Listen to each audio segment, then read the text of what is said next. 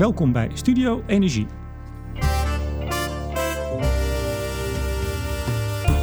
Met de Tweede Kamer deze week terug van reces gaan de onderhandelingen over het klimaatakkoord een nieuwe cruciale fase in. Een van de onderhandelaars is Energie Nederland, de branchevereniging die zowel de belangen van de kolencentrales als die van bekende groene bedrijven behartigt. Een CO2-minimumprijs alleen in Nederland? Geen goed idee. Liefst geen CCS en we moeten niet doen of wel op korte termijn van het gas af kunnen. Al dus mijn gast deze week, de voorzitter van Energie Nederland. Ik ga in gesprek met Medi van der Laan.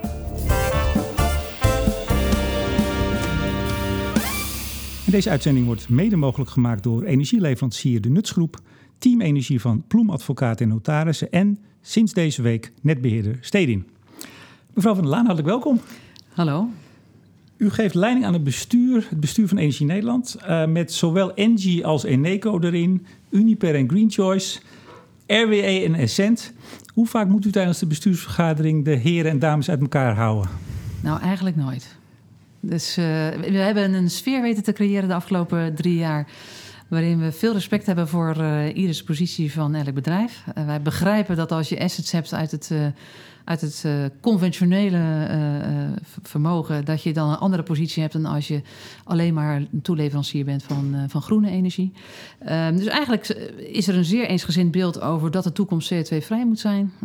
De, er zijn natuurlijk verschillen van opvattingen en verschil van belangen. Maar eigenlijk is het een heel harmonisch bestuur. Ja, dat, we zitten hier bij, op ben ik heel blij mee op uw kantoor in Den Haag, vlak ja. bij de Tweede Kamer, in de vergaderzaal. U, uh, Dit is ook het vergaderzaal waar de het bestuur altijd Niemand vergadert. trekt elkaar hier over tafel. Nee, nee is, er wordt heel veel gelachen uh, en er wordt uh, uitgedaagd. je wordt, ze, ze, dagen elkaar ook uit natuurlijk op de verschillende inhoudelijke punten. Daar, daar daag ik ze ook toe uit om juist gewoon met elkaar, juist als het moeilijk wordt, leg ik het op tafel. Ik ben nu eigenlijk bijna op de dag, nauwkeurig drie jaar ja. voorzitter.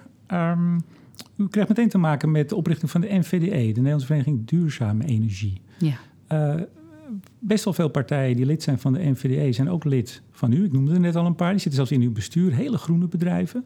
Ook de kolencentrales. Eigenlijk alle vijf. Of alle, alle partijen die ze hebben. Ik kan me voorstellen toch dat het heel erg lastig is om daar als belangenbehartiger één geluid naar buiten te hebben. Ja, dat, er zijn natuurlijk onderwerpen waar je uh, wat minder duidelijk uh, en uitgesproken over naar buiten kan komen. Maar gemiddeld genomen zie je dat we uiteindelijk ook een, altijd een gedeelde agenda weten te vinden met elkaar. En de positie van de NVD is een andere positie. Dat is een, ik zou bijna zeggen, een goede doelenorganisatie. Die heeft namelijk het doel, een inhoudelijk doel, om tot duurzame, zoveel mogelijk duurzame energie te komen. Wij hebben de belangenbehartiging van de energiesector als doel. En die belangenbehartiging staat niet, dat is een verre van, dat is een eigenlijk een hele positieve belangenbehartiging. Zo wil ik hem ook steeds al drie jaar inzetten. Waarin je zegt, wat gaan we doen in de toekomst? Dus niet het behouden van het verleden, maar juist het steeds weer wat we noemen voor op de golf, een visie hebben op de toekomst. En vanuit die visie op de toekomst uh, meepraten met stakeholders, meepraten met EZK, agenda settend zijn. Ja. En in die houding merk je dat we eigenlijk heel veel verbindende onderwerpen met elkaar hebben. Want die toekomst gaat, zich, gaat, gaat, gaat rollen. Ja. Die, die groene energie die wordt dominant. En dat betekent dat je met elkaar op die agenda gewoon een gedeelde agenda hebt. Nou zit die, uh, die goede doelenclub, zou ik maar even zeggen, die zit aan drie tafels, u maar aan één. Streven ze u niet een beetje voorbij? Uh, nee, in die zin dat uh, soms willen partijen graag een goede doelenpartij aan tafel hebben. Uh, dat zie je dus ook gebeuren. ik lig daar niet zo wakker van. Wij zitten aan die tafels waar we aan horen te zitten, gebouwde omgeving. wij zitten ook aan de tafel gebouwde omgeving, alleen zitten daar de bedrijven namens ons kan aan tafel. Zeggen, ik zag u niet staan op lijstje. Nee, ik, sta bij, ik zit zelf bij elektriciteitstafel. U bedoelt u persoonlijk? en onze, ik persoonlijk, ja. ja. Uh, samen ook met uh, andere CEO's uh, van bedrijven.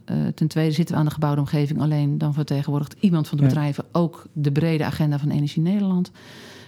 Dat zijn de twee belangrijkste tafels waar we aan hebben gezeten. En nou, daar zijn we heel tevreden mee. Nou, er is er nog één, de overkoepelende het klimaatbeleid. Ja. Daar zit u ook niet in. En ik zag, als ik zie wie nee. er allemaal in zit, van, van Greenpeace, Milieudefensie, de jonge klimaatbeweging, maar u niet. Nee, maar de VNO-NCW zit daar met twee zetels in. Uh, ook VNCI zit niet aan het klimaatberaad. Hè. Dat zijn toch ook de belangrijke hofleveranciers ja, van het VDE klimaat. wel. Die ja, dan zie je dat een goede doel. Ik heb me daarover verwonderd. Laat ik het dan zo tactvol zeggen. Ik heb me erover verwonderd. Uh, ik vond dat zegt u het dus meer, zegt u het de dus hele tactvol? Plei, het pleidooi voor... Was een beetje boos. Nee, het pleidooi voor de groene toekomst was voldoende vertegenwoordigd via de NGO's. aan die tafel. Uh, en ik was verbaasd. Ik vond dat uh, dat niet per se logisch was, nee. Maar goed, het is gebeurd. En overigens is het zo dat het echte werk allemaal aan de tafels is gebeurd het klimaatberaad vooral dat heeft gecoördineerd. Dus nee, is echt zo. Als nee, je het, het, het toch, het is, U zegt het nu, hè? Maar, nee, maar, maar het is toch wel een beetje raar niemand dat... van het klimaatberaad heeft... Het klimaatberaad heeft nooit enige inhoudelijke interventie gepleegd op onze tekst. We hebben het ingeleverd en er is geen letter aan veranderd. Maar zijn, u bent ook nog niet zo ver natuurlijk. U hebt pas voorstellen voor hoofdlijnen voor de klimaatakkoord. Het echte nou, werk moet beginnen dat, uh, Ik denk dat de elektriciteitstafel uh, echt wel ja. 80, 90 procent uh, gevorderd is. Dus Kom, ik vind zelf...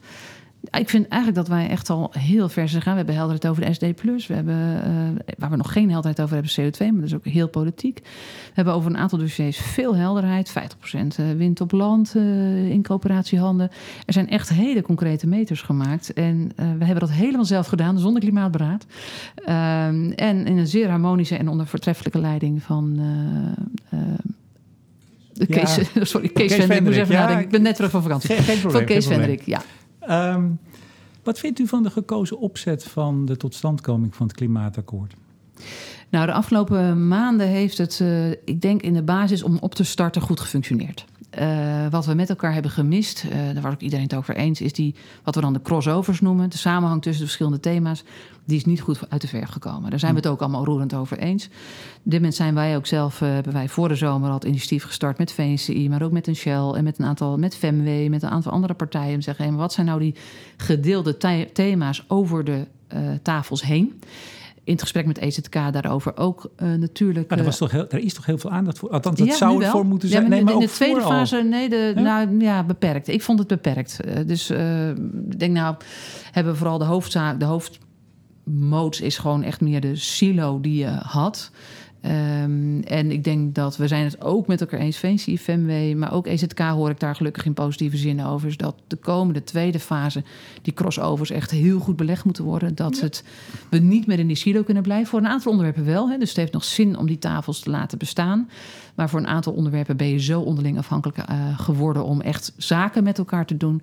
En dat gaan we ook organiseren en dat is hard nodig. Uh, wat mij betreft gaan we doen. En ik hoor van alle kanten dat daar groot draagvlak voor is om het zo te gaan doen. Ik, ik vraag het u ook, want uh, november vorig jaar, toen zei u bij een bijeenkomst onderhandelen. We gaan helemaal niet onderhandelen. Onderhandelen is niet effectief. We gaan het uitdenken. Uitdenken hoe dit in hemelsnaam moet gaan lukken. Ja. Bent u nu aan het onderhandelen van het uitdenken? Ik denk dat 80% van wat we zeker het komende maanden nog gaan doen, uh, is uitdenken. Niet onderhandelen? Nee, weet je, Iedereen is het we weten, nou, we weten waar we naar op weg zijn. Het is een heel helder doel. 2030, uh, 49 procent. Daar zijn we ook altijd voor geweest. We hebben ons altijd op het standpunt 50 gesteld. zelfs, 50 hè, precies. Dus daar zijn we het over eens. Uh, wij hebben een heel groot belang, ook als vereniging, als sector, bij een stabiel investeringsklimaat.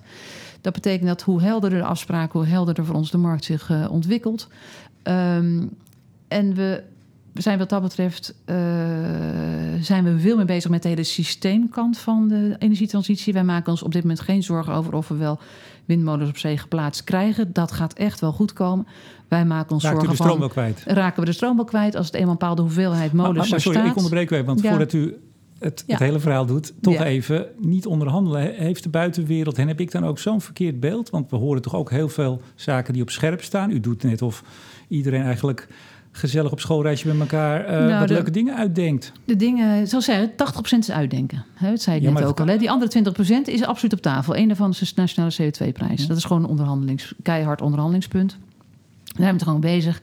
We hebben natuurlijk best wel onderhandeld over de hele SDE+. Maar dat was niet een gevecht met het bloed aan de muren. Dat waren toch wel een soort van eh, beelden van... nou ja, waar, moet je, waar moet je uiteindelijk... Het liefst wil je als sector toch echt op eigen benen staan... en juist niet subsidieafhankelijk zijn. Dat is uiteindelijk toch altijd een voorkeursmodel.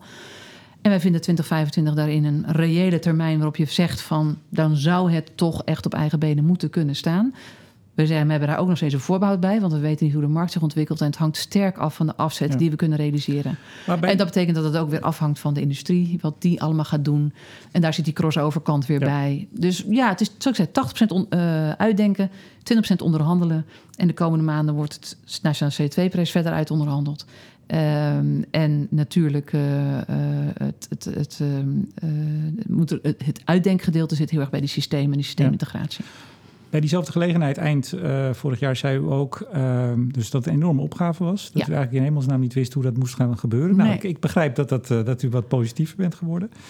Uh, maar u had het ook over hoge ambitie, weinig instrumenten. En daar bedoelde u Ja. geld mee. Er staat Ja. gewoon in het regeerakkoord te weinig geld voor wat er nodig is. Is dat veranderd of is dat nog steeds nee, zo? vind ik nog steeds. Dus dan gaat het niet lukken, zeg ik. Ja, nou kijk, voor ons deel, zelfs wij hebben, eh, ik heb ook wel in de, tijdens het uitdenken en, en eh, praten met alle stakeholders, zoals we met op tafel hebben veel gedaan, in overigens een hele goede sfeer, heb ik ook wel eens zo, eh, niet plenair in een vergadering, maar aan marge onder het genot van een kopje koffie gezegd, kijk, wij hebben als elektriciteitssector eigenlijk een voorsprong. Doordat wij vijf jaar geleden al de hofleverancier waren van het energieakkoord in 2013. Daardoor waren wij gewend aan dit soort situaties, waren gewend om aan dit soort mm, ja, ambities te moeten voldoen. Uh, ja, we, kennen het klappen van de zweep van dit type akkoorden. Uh, en we zijn al daardoor enorm gesteund ook geweest via de SDE Plus de afgelopen vijf jaar. Hebben wij relatief veel financiële steun gekregen. Dus wij hebben een vliegende start kunnen maken. Wij hebben eigenlijk een goede eerste vijf jaar gehad in de energietransitie. Die lijn willen we doorzetten en daardoor staan we nu ook beter op eigen benen. De kosten voor wind op zee zijn ernstig gedaald. Nou, dat is allemaal dingen die we hoopten in het vijf jaar geleden ook hebben kunnen realiseren. Maar even terug naar de vraag: is er genoeg geld voor wat het kabinet wil? Precies. Nou, wat je dus ziet, wat dat was na wat ik wilde vertellen, is dat wij de afgelopen vijf jaar van die pot geld hebben kunnen uh, gebruik maken met, met inderdaad hele goede effecten.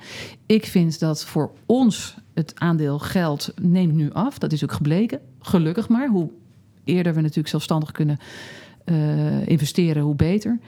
Uh, ik vind wel dat als je kijkt naar totale opgave, als je kijkt naar de gebouwde omgeving, mobiliteit, uh, landbouw. Ja, ik, denk met name het instrumentarium. Te kijken over, denk ik dan aan twee dingen. Ik heb het niet alleen maar over geld erbij. Want dat is echt wel iets, dat is iets te makkelijk om alleen maar in geld erbij te denken. Ik denk ook aan fiscale stimulering of fiscale demotivering. Dat zijn ook gewoon hele simpele, financieel prima uit te voeren uh, opties. Ik denk ook aan een aantal uh, CO2-taxachtige oplossingen. Zowel in de landbouw kan je dat hè, bij vleesconsumptie of bij vliegen of bij. Nou, kortom, je kunt er allerlei instrumenten voor verzinnen die politiek op dit moment niet haalbaar zijn. Maar als je politieke moed toont, natuurlijk prima zouden kunnen. En ook financieel niks hoeft te kosten. Ik word een beetje bang als het als het de politieke moed aan moet komen. Want dat is ja, een prachtige ook. tekst. Maar ja, vind, dat ik, vind, ik merk niet. ook dat. Uh, ja, ik denk dat het kabinet de komende jaren en het nieuwe kabinet daarna misschien. Uh, zich moet gaan voorbereiden op een vorm van politieke moed. Ja. Dan maak hem toch nog even concreet voor me als u wilt. Is er nou. Oké, okay, geld is één, ander zijn maatregelen. Dat hele pakket samen. Eind dit jaar moet er een uh, klimaatakkoord liggen. Ja. Dan moet ook dat instrumentarium bekend zijn. Ja. Als ik u hoor, toch even tussen de regels door, dan gaat het dus niet lukken. Nou, voor, voor Want dan mijn moet er sector, in de toekomst moet worden getoond. Ja, als we het nou daarvan ja, moeten de, hebben. Ik heb het over mijn, eigen, over mijn eigen sector en dan met name een elektriciteitstafel. En waar het gaat om pilot en demo's zijn er op dit moment ook natuurlijk financiële middelen beschikbaar voor de gebouwde omgeving. Alleen maar voor de korte termijn zijn daar de instrumenten op dit moment voldoende voor de korte termijn. Voor de lange termijn is het nog niet op orde. Dat weet iedereen ook. Voor, voor de elektriciteitstafel is het financieel ook prima. Uh, ik denk, mijn zorg zit met name bij de industrie. Wij zijn sterk afhankelijk voor de energietransitie. Wij ook als sector voor de uh, ontwikkelingen bij de industrie. De hele elektrificatie daar moet plaatsvinden. Gaat men daar meer richting waterstof? Gaat men daar in uh, andere hoeken in? En die ontwikkeling is ontzettend belangrijk voor onze marktontwikkeling... en de manier waarop wij uiteindelijk met onze energie... weer onze afzetmarkt zullen uh, verder kunnen ontwikkelen. Daar zie je dat die financiële paragraaf gewoon niet zo riant is... als wij hem de afgelopen vijf jaar hebben gehad. Ja, maar is het genoeg?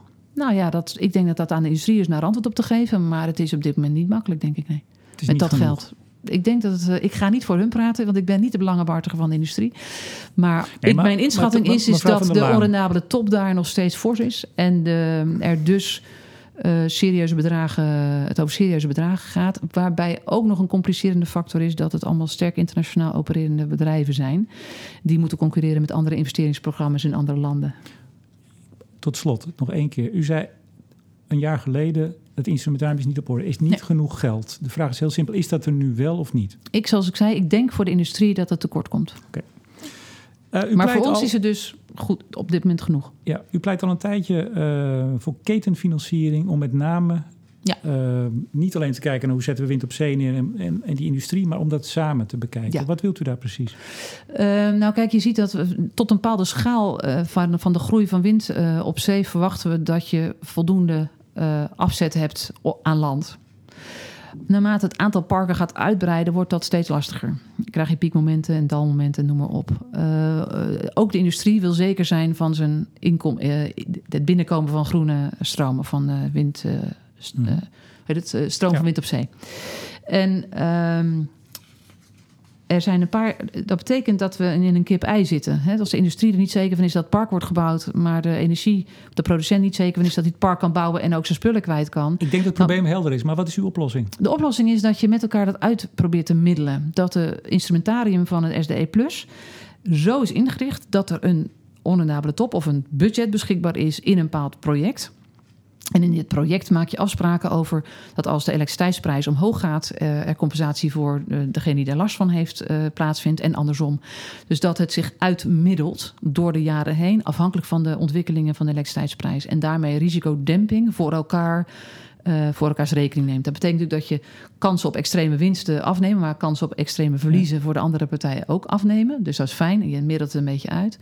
Wij zijn erover in gesprek met de industrie. Die vraagt overigens terecht dat het dan wel de marktwerking goed moet blijven functioneren. Daar zijn we het roerend over eens met elkaar.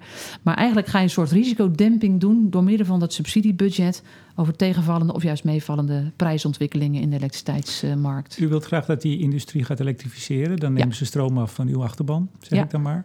U hebt zich ook wel eens uitgelaten, ik zat even in de intro, liefst eigenlijk liefst maar geen CCS. In ieder geval niet, niet zoveel, liefst zo min mogelijk. Nee, nou voor de elektriciteitssector is CCS sowieso hè, aan de, uh, geen oplossing. Uh, ik ben ik snap best dat er een aantal gevallen CCS, als je de doelen wil halen, uh, op dat moment een oplossing is. Toch even terug, waarom is dat geen oplossing? Maar Want we hebben voor ons omdat het gewoon te duur. Nee, maar we hebben drie nieuwe kolencentrales neergezet, uh, die, waarvan het kabinet zei, nee, dan gaan we CCS Nee, dat kan gewoon, het kan gewoon niet uit. Kan niet uit. Het kan gewoon niet uit. Moet je niet bij ons doen. Dat kan je het beste, als je dan toch geld gaat investeren in CCS, kan je het echt beter bij de industrie doen. Maar twee omdat van de leden hebben dus nog heel lang met het Road-project ja, dat toch we zijn er uiteindelijk uitgestapt, omdat het toch niet interessant is voor de elektriciteitssector om daaraan mee te doen.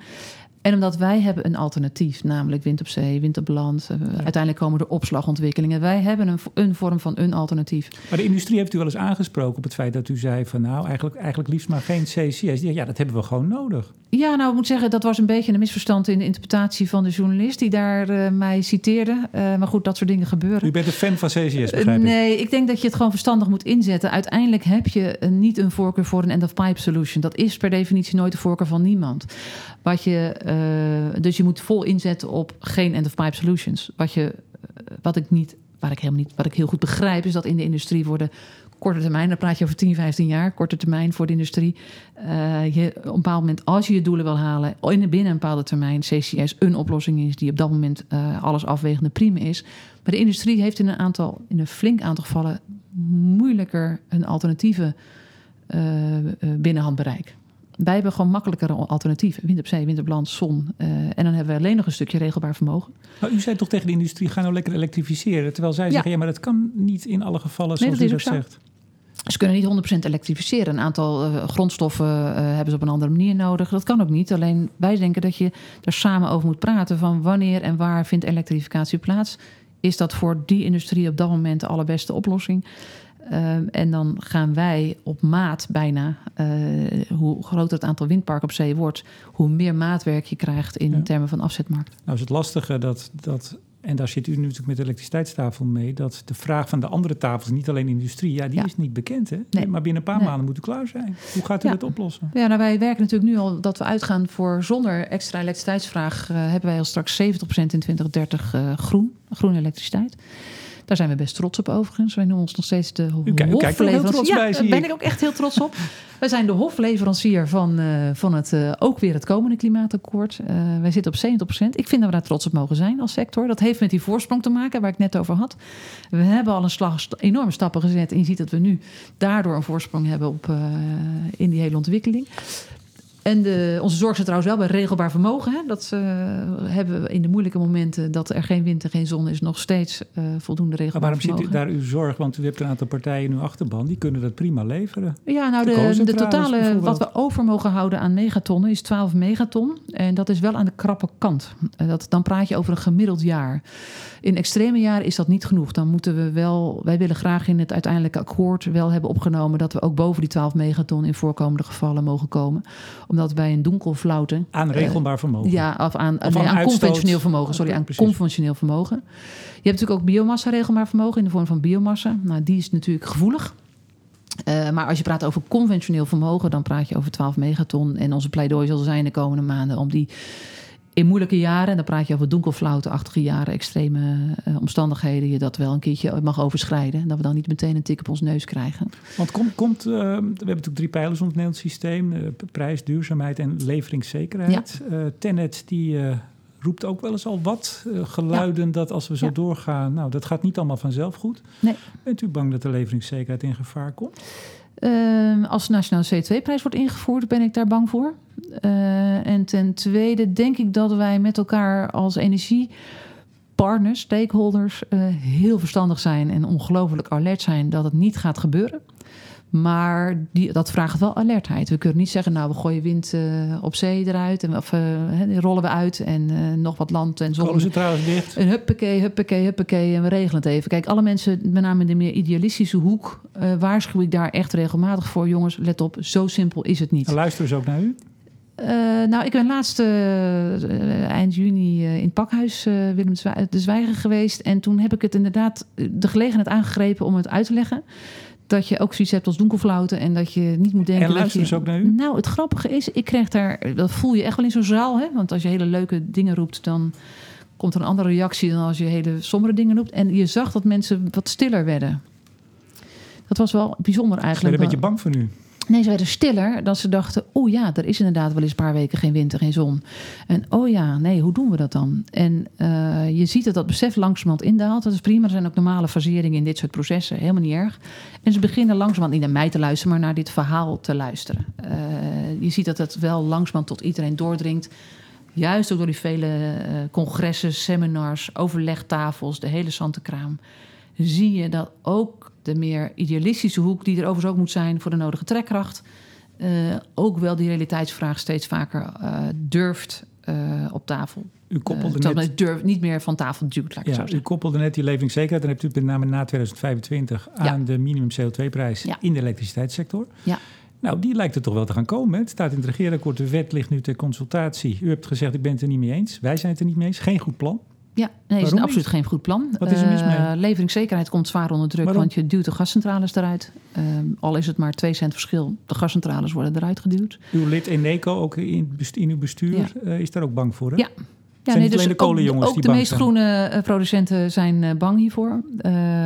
Trouwens ook voorspeld, gewoon onafhankelijk vastgesteld door Frontier.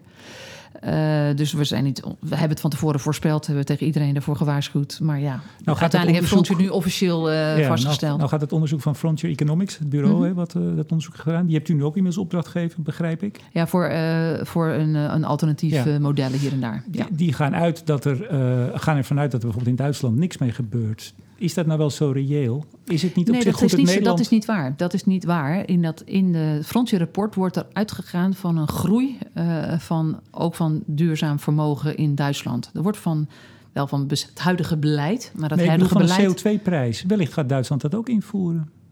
Nou, die kans achter vrij klein. Want hun economie is ernstig afhankelijk van, eh, van conventioneel vermogen. Maar er gebeurt zoveel in nee, zo'n er is korte echt tijd. heel veel conventioneel vermogen in Nee, Duitsland. gebeurt, dat ziet u ook. Er gebeurt heel veel in korte tijd in alle landen. Ja, maar je gaat, een frontier moet je vragen om eh, uit te gaan van het most likely policy die er gaat komen.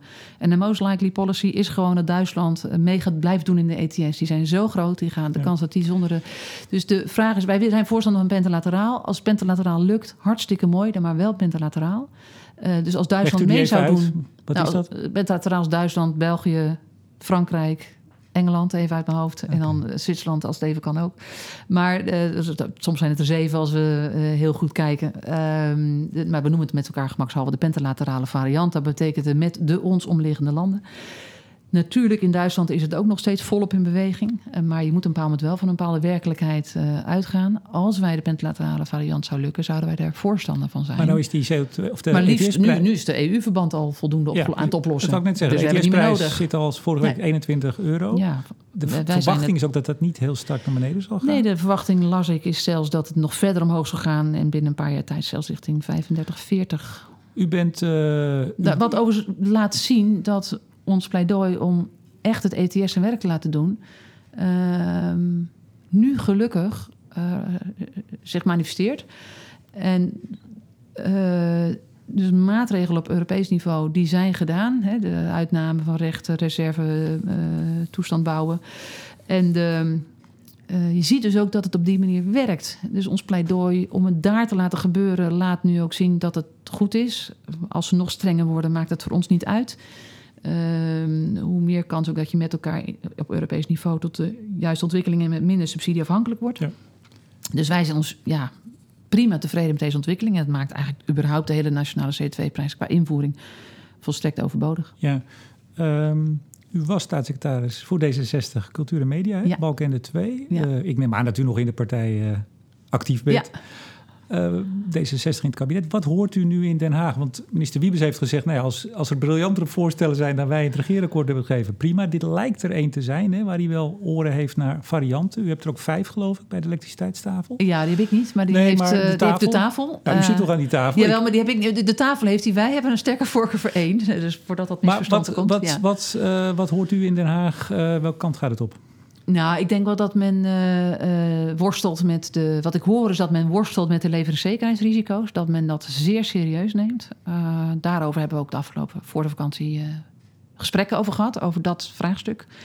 En dat dat betekent dat we de komende maanden daar verder over spreken. En ik voel een normale uh, opstelling van, uh, vanuit EZK om uh, dat te doen wat het beste is voor, voor de BV Nederland. En dat is dat we met elkaar elke avond nog weer dat knopje licht aan, dat knopje aan kunnen drukken.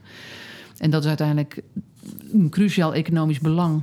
Uh, waarvan ik merk, de signalen krijg dat men dat belangrijk vindt. En trouwens, dat zie je ook in de brief. Uh, daar hint Wiebes ook op. Ja, maar de kans dat, dat het erg dat, belangrijk is. De kans dat uw variant, waar uh, die zeven of acht landen het met elkaar eens zijn, die is toch niet zo groot? Het gaat toch gewoon niet nou, gebeuren? Nou, dat is absoluut lastig. Maar um, dus het is ook niet zo. Maar wij, zijn, wij zeggen wel van, kijk, we willen Wiebes aan alle kanten steunen om dat te doen. Hij doet dat pleidooi. Hij is er zelf ook een groot voorstander van. Vindt dat belangrijk uiteindelijk zeggen we binnen EU-verband is het allerbeste. Nationaal is niet te doen. Uh, nou, als we dan nog een tussenoplossing zouden moeten vinden met een soort uh, kopgroep, dan vinden wij dat ook heel bespreekbaar. Het allerbeste is en blijft dat de Europese Unie gewoon de rechten eruit haalt, versneld de plafond omlaag brengt, wat ze nu allemaal doen. Dat zijn de allerbeste maatregelen, daar zijn wij voorstander van. Ook al wordt de elektriciteitsprijs dan hoger, betekent dat je meer kans maakt op subsidievrije investeringsmogelijkheden. Uh, doe je altijd graag als bedrijfsleven. Liever zonder als het uit kan dan dat je het nog nodig hebt. Maar dan kunnen we toch eigenlijk een heel veel waar nu over gesproken wordt aan die tafels gewoon skippen, gewoon overslaan. Gewoon ETS gaat toch naar beneden steeds 2%. Hè? In 2050 ja. zijn we er. Ja. Nou, non-ETS alleen. Het gaat met de versnelling. Hè? We hebben Nederland natuurlijk afgesproken om 49% te halen. Ja. En dus we hebben als Nederland uh, gezegd dat wij sneller willen zijn dan de rest. Nou, en dan moet, kan je dus, dus, dus dat plafonddaling uh, die er plaatsvindt, gaat uit van 40% in 2030. Yeah. En wij willen 49%, dan zullen we toch iets extra's moeten doen met elkaar. Premier Rutte die zei hier bij u in de straat overigens uh, voor de zomer bij een bijeenkomst uh, schuin tegenover dit pand. Mm -hmm. Toen hem gevraagd werd, goh, gaat dat nou wel lukken 49? Nou, we gaan niks meer doen dan in Europa. Nee. Dus we, we, gaan, we, we, komen niet verder, we komen niet sneller. Ja, ik, ik heb niet helemaal begrepen, die uitspraak van uh, premier Rutte. Ik dacht, wat zeg je nou? Ja, nou ja, en, en uh, meneer, ik Bu niet. meneer Buma die, uh, heeft toch ook wel even een signaal afgegeven ja. in het Elsevier-interview. Ik laat dat lekker aan de coalitie. Wij gaan uit van 49% aan onze tafels. Wij leveren 70% uh, Toch een procentje minder dan u wilde, hè? U ging voor 50. Ja, dat hebben we heel wat tranen over gelaten, ja, dat begrijpt dat, u wel. Dat ja. ik al. um, twee jaar geleden zei u in een interview... niemand weet hoe het energielandschap eruit zal gaan zien. Ja. Uh, weten we dat inmiddels wel of weten we dat nog steeds niet? Nou, het is iets minder troebel geworden. Ik denk dat twee jaar geleden we echt nog met elkaar heel erg zoekende waren. En ik denk dat we met alle belanghebbenden en stakeholders en iedereen die in de sector zit, um, echt al stappen hebben gezet. Ik denk dat je kijkt naar twee jaar geleden was waterstof nog een no-go. Uh, gewoon een irreëel. En niet no-go omdat mensen niet wilden, maar men dacht dat het nooit haalbaar zou zijn. Twee jaar later is er waterstof the answer to all the problems. Nou ja, het is nog steeds maar de vraag of het haalbaar is. Ja, nee, maar dat dus wordt heel erg nu uh, ja, als, als kansrijk. Over, ja, maar... het is kans, maar het wordt denk ik ook steeds kansrijk. De prijs gaat op dit moment al omlaag. Ja. Hè, dus je ziet toch wel dat dat twee jaar geleden echt nog een, uh, uh, nog een, een, een, een, utopisch beeld was. En dat is het nu niet meer.